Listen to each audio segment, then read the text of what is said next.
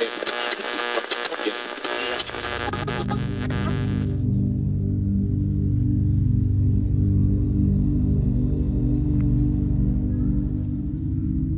شباط من عام 2013 انشق أحد عناصر الأمن العسكري عن النظام السوري. كان هذا العنصر بيحمل معه صور ل 55 ألف ضحية في معتقلات النظام للفترة بين 2011 و 2013 اشتهر هذا العنصر المنشق باسم مستعار هو قيصر وعرفت الصور اللي حملها معه باسم صور قيصر قبل أسابيع أعلنت مجموعة من عائلات ضحايا التعذيب في سوريا تأسيس رابطة عائلات قيصر بالتعاون مع عدد من المنظمات الحقوقية السورية. رئيس وحدة العدالة ودولة القانون في المركز السوري للإعلام وحرية التعبير يوسف وهبة تحدث لسوريالي عن نشأة الرابطة. بالحقيقة الفكرة هي جاءت من العائلات أنفسهم. أه، نتيجة يعني تواصل وتعارف مع المركز السوري للإعلام وحرية التعبير. آه، فانطلقت الفكرة من بعض العائلات الذين تمكنوا من تحديد أبنائهم آه، في مجموعة صور قيصر. آه، وبالتالي بدأوا عملية التواصل بدعم وتنسيق من مركز السوري للإعلام بحيث إنه يشكلوا هذه المجموعة حتى تقوم معا بتقويه موضوع أو بدعم موضوع السعي للعدالة المحاسبة والعدالة اولا وثانيا تشكيل نوع من الدعم الداخلي آه، وتعزيز آه، الحالة مثلا النفسية أو الحالة القانونية للعائلات اللي بتتشارك بنفس آه، القضية أو القصة. فعمليا هي بدأت من تقريبا تسع شهور وانطلق التنسيق مع بين العائلات مع المركز السوري للإعلام وحرية التعبير. وكان حتى وصولا إلى الاجتماع التأسيسي اللي بنسميه بشهر شباط تقريبا وبعد ذلك صار عملية الإعلان عن عن الرابطة وإجراء بعض الأنشطة. ياسمين مشعان من العائلات المنضوية في الرابطة شرحت أهداف تأسيسها. أستاذ الكريم بالبيان اللي أصدرناه إحنا كتبنا أهدافنا اللي من أجلها تأسست رابطة عائلات قيصر. وهي أولا الكشف عن مصير الرفات الضحايا الضغط عن النظام من أجل إطلاق سراح باقي المعتقلين كي لا يكونوا أيضا ضحايا مرة أخرى. الشغلة الثالثة آه، إنه إحنا نحاول كرابطة رفع دعاوي هون آه، بأوروبا.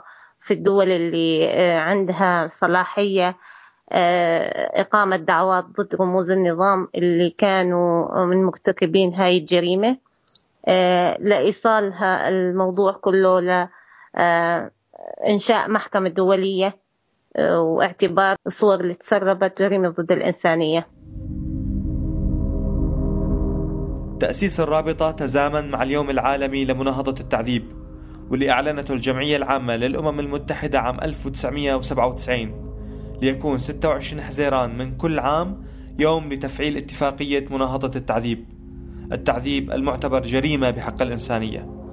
أبرز الأنشطة المنفذة من قبل رابطة عائلات قيصر لخصها رئيس وحدة العدالة ودولة القانون في المركز السوري للإعلام وحرية التعبير يوسف وهبة.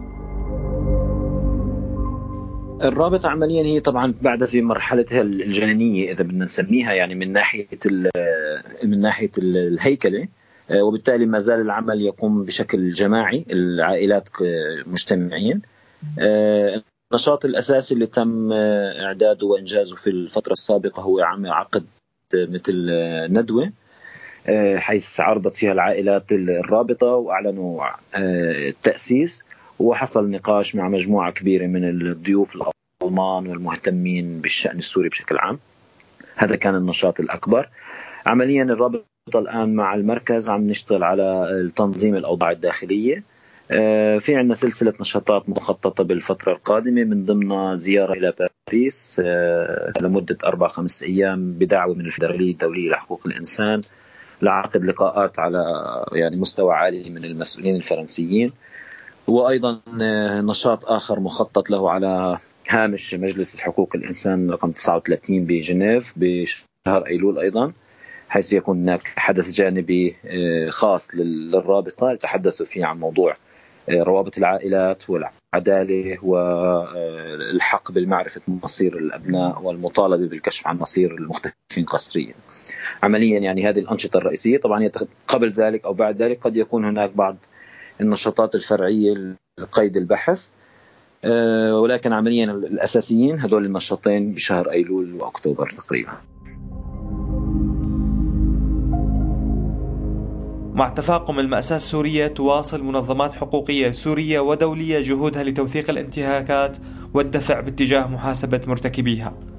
فهل من إضافة أو جدوى من تأسيس رابطة عائلات قيصر؟ يوسف وهبة مجيبا.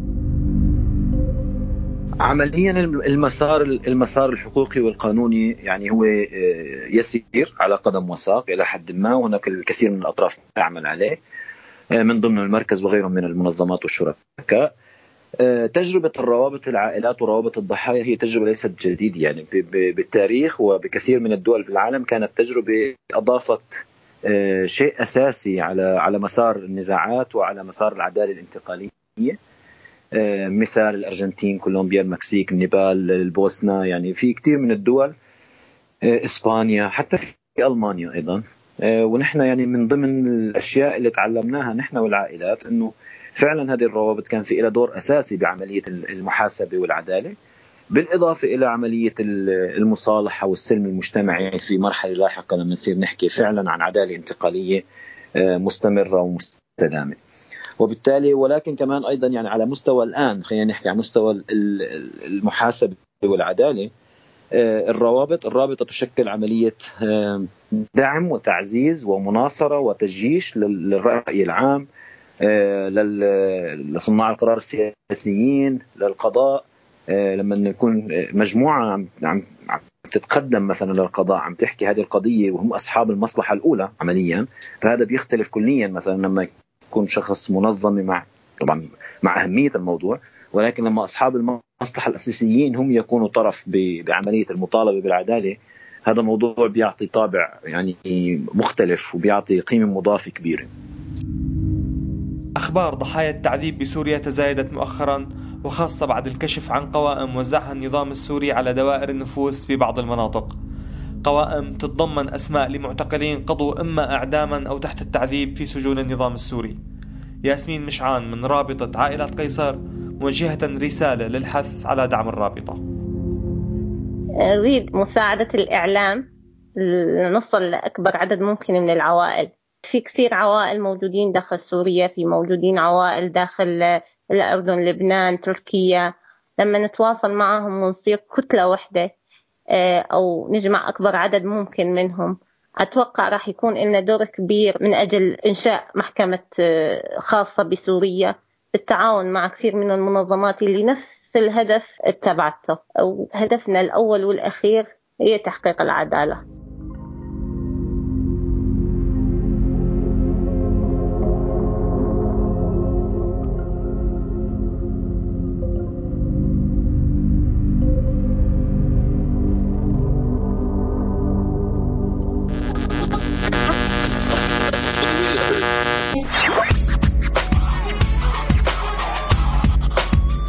عم تسمعوا راديو سوريالي. على فكرة هذا مو راديو.